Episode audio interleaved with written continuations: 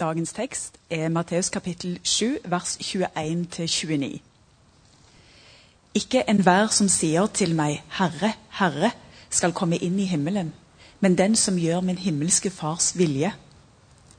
Mange skal si til meg på den dagen, Herre, Herre, har vi ikke profetert ved ditt navn, drevet ut onde ånder ved ditt navn og gjort mange mektige gjerninger ved ditt navn?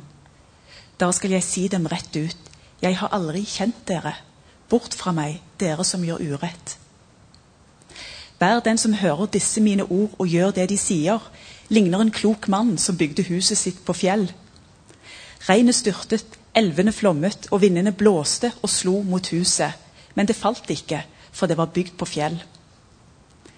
Og vær den som hører disse mine ord og ikke gjør det de sier, ligner en uforstandig mann som bygde huset sitt på sand. Regnet styrtet, elvene flommet, og vindene blåste og slo mot huset. Da falt det, og fallet var stort. Da Jesus hadde fullført denne talen, var folket slått av undring over hans lære, for han lærte dem med myndighet, og ikke som deres skriftlærde. Slik lyder Herrens ord. Hei. Dette har jeg gleda meg veldig til, skal jeg si. Og så ser dere teksten, så tenker du 'hjelpes'. Den var drøy. Det har du for så vidt helt rett i òg. Det er hardt å høre sånne type ting. Så jeg har lyst til å begynne med å be. Gode pappa, jeg takker deg for at eh, du er Gud, vi får være med til det du gjør. Jeg bare ber om at, eh, at du strømmer gjennom med det du har. Dette Ditt navn Jesus. Amen. For å forstå måte, dette litt bedre, så er vi nødt til å gå litt mer inn i Matteus 7. For dette er på en måte siste del av bergpreikena. Den begynner allerede i fem, og Jesus går gjennom ganske mye forskjellig fram til dette punktet her. Og når vi kommer til Matteus 7 Fram til det så har det vært litt sånne ulike ting som han har snakket om. Blant annet Fader vår står inni her. En del andre sånne ting som vi kjenner ganske godt til. Og så kommer syven, og så smeller han til. Og så har jeg lyst til å lese en variant av dette. Som gjerne er hvor teksten er litt mer inn i vårt språk. For der står det om å dømme andre, begynner han med. Jesus fortsatte.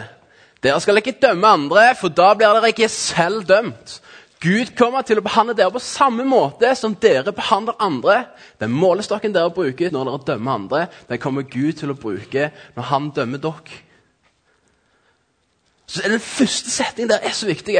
Ikke døm andre. Det er det du skal gjøre, for da blir du ikke dømt. Så sier han etterpå hva skjer hvis vi gjør det. Gud kommer til å behandle dere på samme måte som dere behandler andre. Og så er det noe med å si at Når vi kommer inn i bergpreken, så snakker han for disiplene sine. Det er ikke en vilkårlig folkemengde han står for. Han har samla disiplene sine og de som fulgte han, og så sitter han og underviser de. Hadde han vært her, så hadde han disipler. Han hadde snakket for oss kristne her. Det er tungt å høre. Og så svarer han på en måte med dette med å si hvorfor henger du deg opp i bagatellmessige svakheter hos dine mennesker når du ikke erkjenner dine egne feil, som er mye større? Hvorfor sier du til andre kom hit, så skal jeg åpne øynene dine på en slik at du ser feilene dine, mens du samtidig er blind for egne feil? Du falske mennesker som bare later som du er lydig mot Gud. Først må du rette dine egne feil. Etterpå så kan du se klart nok til å hjelpe dine mennesker med sine. Vi må kle av oss et eller annet som gjør at vi faktisk sjøl er i stand til å hjelpe andre. For det er det som er nøkkelen. Det er at Hvis vi skal være gode med andre som er rundt oss, og vi skal hjelpe andre, så må vi først gjerne se på oss sjøl. Hva er det jeg trenger hjelp med? Hva er det jeg må forsones med? Sånn at jeg er i stand til å hjelpe andre. Og gi ikke budskap til en dere har hørt før. Gi ikke budskap til folk som ikke vil lyde ham. Det er som å kaste perler for griser. Ser for deg bonden som står med perlekjedet til kona og bare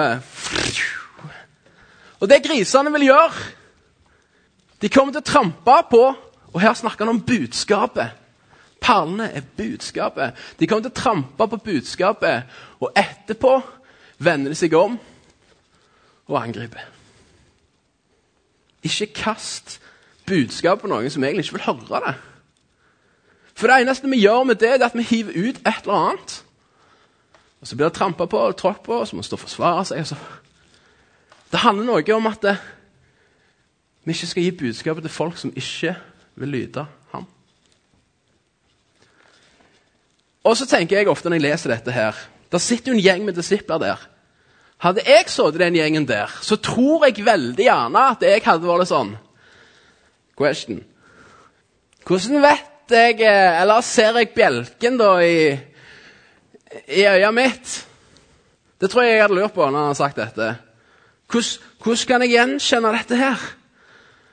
Hvis jeg går med en ut øya og ikke ser det sjøl, hvordan, hvordan kan jeg se det? Og så er det så glimrende svart. For han sier be, og, og egentlig står det ikke bare at han sier han skal be, det står at du skal fortsette å be. Men be, så skal dere få. Leit, så skal dere finne. Bank på, så skal dørene bli åpna opp for dere.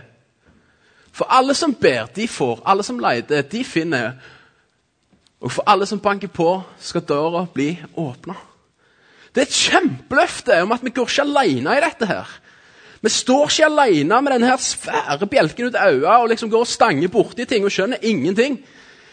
Nei, be, så skal vi få. Leit, så skal vi finne. Bank på, så skal døra bli åpna for oss. Og så fortsetter han med å legge til noe. Han sier for dere som er foreldre Dere her som er foreldre. sant?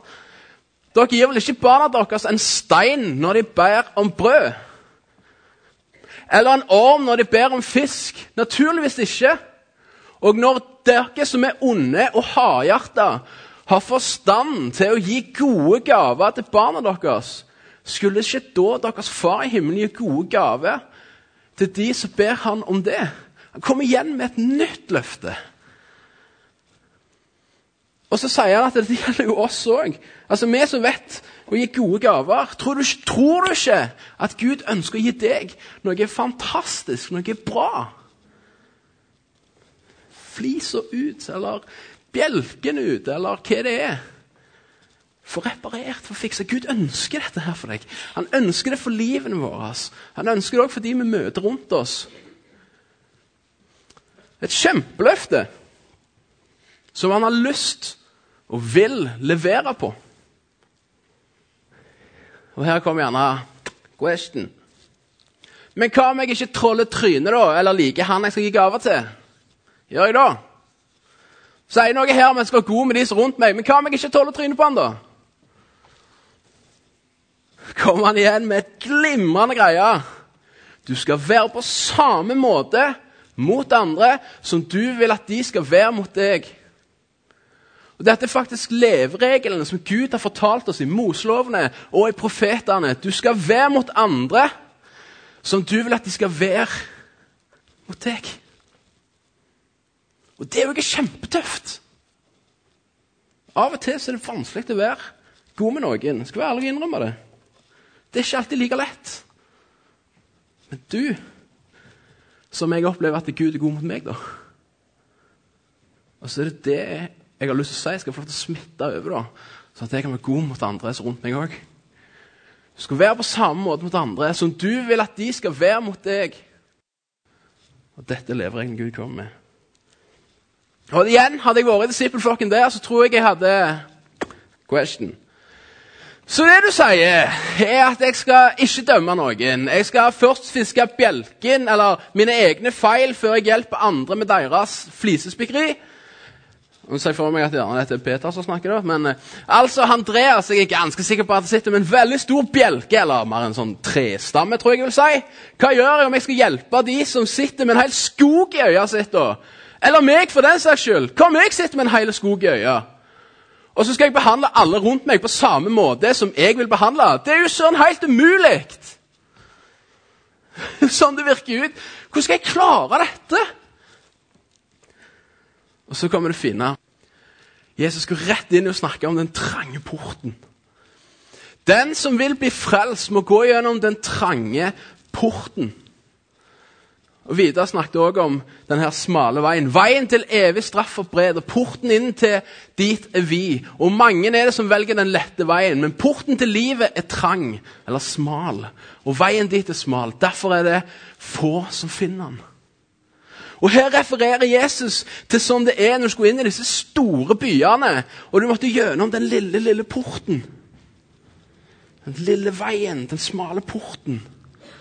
For Skal du få deg og kamelene dine gjennom der, så måtte du kle av alt kamelen hadde på seg, så han kunne krype på beina gjennom denne porten for å komme seg inn.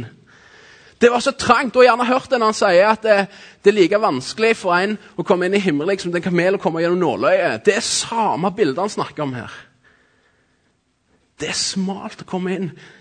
Men det han legger i det, er at vi må kle av oss noe. Vi må faktisk kle av oss noe. For hvis vi skal ha plass til alt det som vi har i livet, som bygger på oss, og som, som gjør at vi gjør dumme ting, eller måtte, alle disse tingene som måtte, er så svært, som vi skal ha med oss Det svære huset vi skal rundt med alle disse tingene her, ja, da trenger du en ganske bred vei å gå på. Det er ikke rart at folk velger den brede veien. Fordi det er jo plass til alt. Dritet som følger med. Du må kle av deg dette, sånn at det er du kommer faktisk inn i den smale stien. Så at du kommer inn gjennom denne porten. En må av med noe. Så den som vil bli frelst og Her synes jeg Roman 8,24 er fantastisk, for i håpet så er vi frelst. Håpet. Jeg håper så blir jeg frelst av det. Og vil du bli frelst, jeg håper faktisk at Jesus hjelper meg å kle av disse tingene. At han hjelper meg å svise den bjelken livet som jeg kan ta ut av. Sånn at jeg kan gå i stand med det mindre som er meg, det som er ekte av meg, ikke alt det andre. Sånn at jeg kan være i stand til å hjelpe andre, så kan jeg være i stand til å være god mot de som er rundt meg.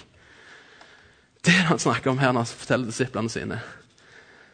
Gjør oss i stand til å være den sanne som vi er meint til å være så lever vi i en verden hvor det er så enkelt å velge den brede veien. Han sier det klart og tydelig. Folk velger den brede veien, for det er så lett å velge. Det er så lett å gå den veien. Men vi er nødt til å fokusere på at vi, Jesus, du må bare hjelpe meg å få dette her av. Så at jeg faktisk kan være det du har skapt meg til å være. Porten til livet er trang, og veien dit er smal. Derfor er det få som finner han. Igjen question. Men hvordan vet jeg at jeg er på den rette veien, da? Hvor smalt snakker vi egentlig? Altså, Andreas sier alltid vi møtes med den smale stien. Du vet der jeg bor. Men den er jo ikke akkurat smal. Greit, når svigermor kommer, går hjem, så ser den stien temmelig smal ut. Men vi kan alltid gå to-tre mann der. sant? Altså, Hvor smal er denne stien? Og Her kommer den biten som, som er heavy. Hvis du leser den med heavy øye, så kan den være ganske heavy. Men treet blir kjent igjen på fruktene, sier Jesus. Og Han sier når vi går på denne stien som er på vei, når vi går på denne veien, den smale stien som skal være på, ta dere vare for den sort mennesker som sprer falsk budskap om, om Gud. Han sier at dette kommer du til å møte. Du kommer til å møte falske profeter. Du kommer til å møte mennesker som ikke vil det godt. De kommer til dere forkledd som uskyldige sauer, men i virkeligheten så er de glupske ulver som vil slite dere i filler. Dere kan kjenne det igjen på handlingene deres. På samme måte som dere kjenner igjen trærne og buskene. Frukten de bærer. Ingen plukker jo druer på en tornebusk eller fiken på tisler. Et godt tre det bærer god frukt, og et dårlig tre ja, det bærer dårlig frukt. Et godt tre kan ikke bære dårlig frukt, og et dårlig tre kan ikke bære god frukt. Hvert tre som ikke bærer god frukt, det blir faktisk hogd ned og brent opp. På samme måte som et tre blir kjent igjen på frukten, kan dette altså kjennes igjen på menneskene og på handlingene deres. Det er vel folk som lokker oss til denne breie veien hele veien. I løpet av en dag så har du 33 over faktisk, 33 000 inntrykk. Og i løpet av kvelden, når kvelden kommer, og du setter deg ned og tenker over hvordan dagen har vært, så er det tre inntrykk du sitter igjen med. Og av de tre inntrykkene du sitter igjen med, så går det en måned, så husker du gjerne bitte litt av det. Og går det et år, så husker du enda mindre. Når det går ti år, så husker du enda mindre. Av hva du opplever hver dag. Vi har inntrykk på inntrykk og ting som ønsker å påvirke våre liv. Vi lever i et samfunn hvor det er masse stemmer som vil ha en betydning for våre liv. Men så sier han du kan gjenkjenne menneskene på handlingen deres om frukta faktisk er god frukt. Om det smaker godt. Han sier med andre du må være vågen. Du må kjenne min stemme. Du må kjenne hva, som, hva jeg sier om deg, hva som er bra, hva som er good. Sånn at du kjenner igjen når disse tingene kommer. Når du kjenner igjen at noe vil deg vondt, og frukt og smaker drit. Så må vi smake på frukta og si vet du hva, dette er ikke bra for meg. Den frukta er Gud. OK, det er den veien. Det er den stien. Det er der jeg skal være. Så fortsetter Jesus med den tingen som gjerne veldig mange har lest, og sitter igjen med en sånn Hjelp! Gjelder dette meg? Og Jeg forstår det så inderlig godt, for han sier sanne disipler snakker han om. Ikke alle som snakker godt om meg, er disiplene mine. Mange kaller meg herre, men vil likevel ikke få tilhøre Guds eget folk. Det avgjørende spørsmålet er om de er lydige mot min far i himmelen eller ikke. På den dagen da dommen faller, skal mange si til meg, Herre, Herre, vi har jo båret fram budskapet for Gud i navnet ditt, drevet ut onde ånder og gjort mirakler i navnet ditt. Og da skal jeg si sannheten, sier Jesus. Jeg kjenner deg ikke, forsvinn herfra. Det dere har gjort, det har dere gjort i den ondes sin tjeneste. Det er så brutalt å høre. Og sitter jeg med Oi! Jeg trodde jeg var jeg trodde jeg var sikra himmelen. Jeg trodde Slapp av. Slapp av. For hva er det han snakker om her? Det avgjørende spørsmålet er om de er lydige mot min far i himmelen eller ikke. Det er noe vi forstår når han holder denne prekenen. Så har ikke Jesus dødd på korset ennå. Men han refererer også noe til som kommer. Noe som faktisk kommer til å skje. Men han er likevel tydelig på å si at det følger meg er ikke enkelt. Det er ikke alltid Altså, Vi bruker uttrykket 'dans på rose'. Jeg syns det er et dårlig uttrykk, for har du dansa på rose noen gang? Det er Sjukt med tone. Men dans på rosebladet, det kan jeg være med på. sant? Men det er, ikke, det er ikke det det er. Han sier, sånn som han sa tidligere, vi er sendt ut blant ulver som kler seg som sauer. Uskyldige sauer. Han snakker om noe som er, har et alvorlighetspreg over seg. Og Tidligere i Matteus sier han at han ikke kom for å slette loven og dette her, han er kommet for å oppfylle den. Noe av det første Jesus snakker om i bergpreken, er at han, dere må ikke tro at jeg har kommet her for å fjerne loven og for fjerne disse tingene dere har lest om tidligere i Gamle testamentet, eller på den tida som var Mosloven og profetene. Han har ikke kommet for å fjerne det, han har kommet for å oppfylle det.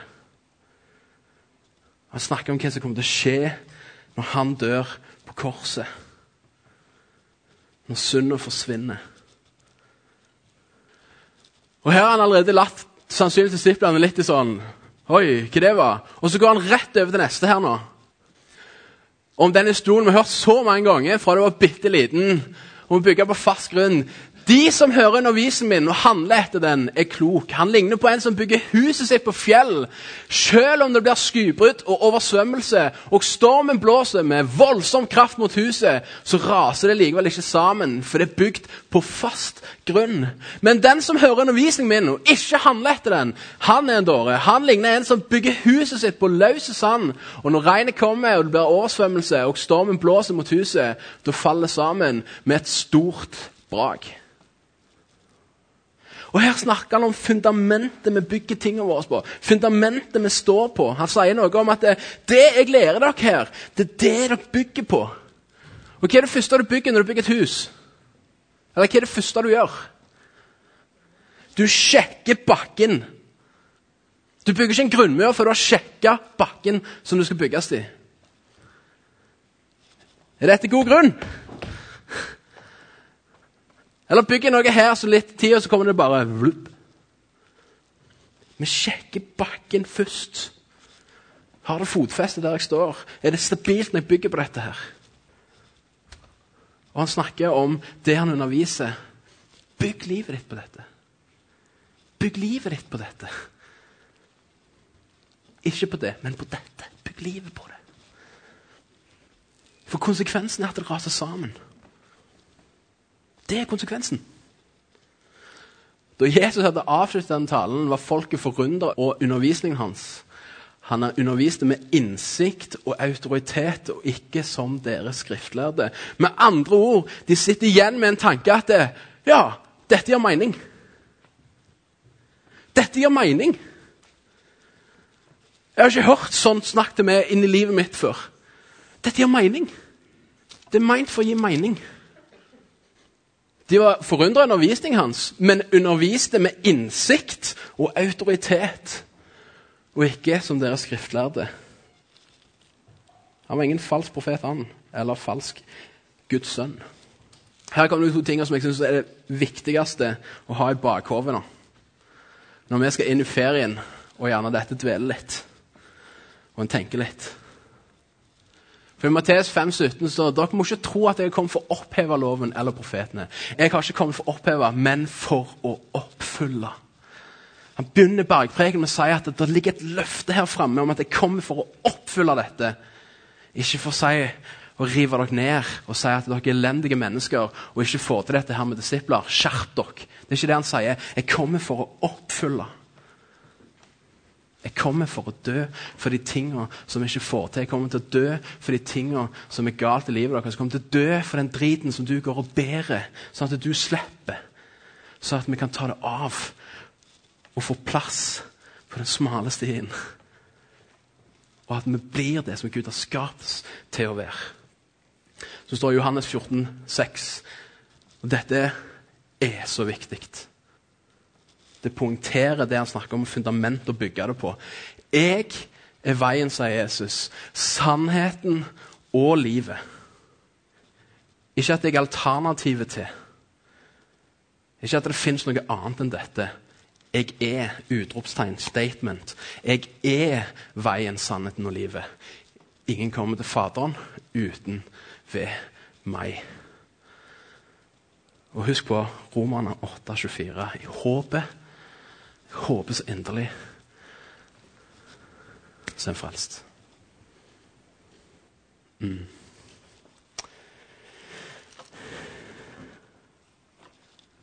Gode pappa, jeg takker deg for at uh, du er Gud, og vi får være med på det du gjør. Jeg takker deg for ordene dine. Jeg takker deg for Jeg takker deg for at du er, du er sannheten, og du er veien, og du er livet. Jeg bare ber at du må hjelpe oss til å se hvem du har skapt oss til å være. Hjelp oss til å ta vekk de tingene i livene våre som ikke hører til der. Hjelp oss til å se, se andre med dine øyne. Så at vi også gjør oss i stand til å hjelpe de som er rundt oss. Ta vare på de som er rundt oss. Hjelp oss å tenke godt om andre sånn som vi tenker godt om oss sjøl òg. Og når vi ikke klarer å tenke godt om oss sjøl, så minn oss på hva som er godt med oss sjøl. Fyll oss opp fra topp til tå og velsign oss ut i sommer og ferie. Må du være med oss og minne oss. Ditt navn, Jesus. Amen.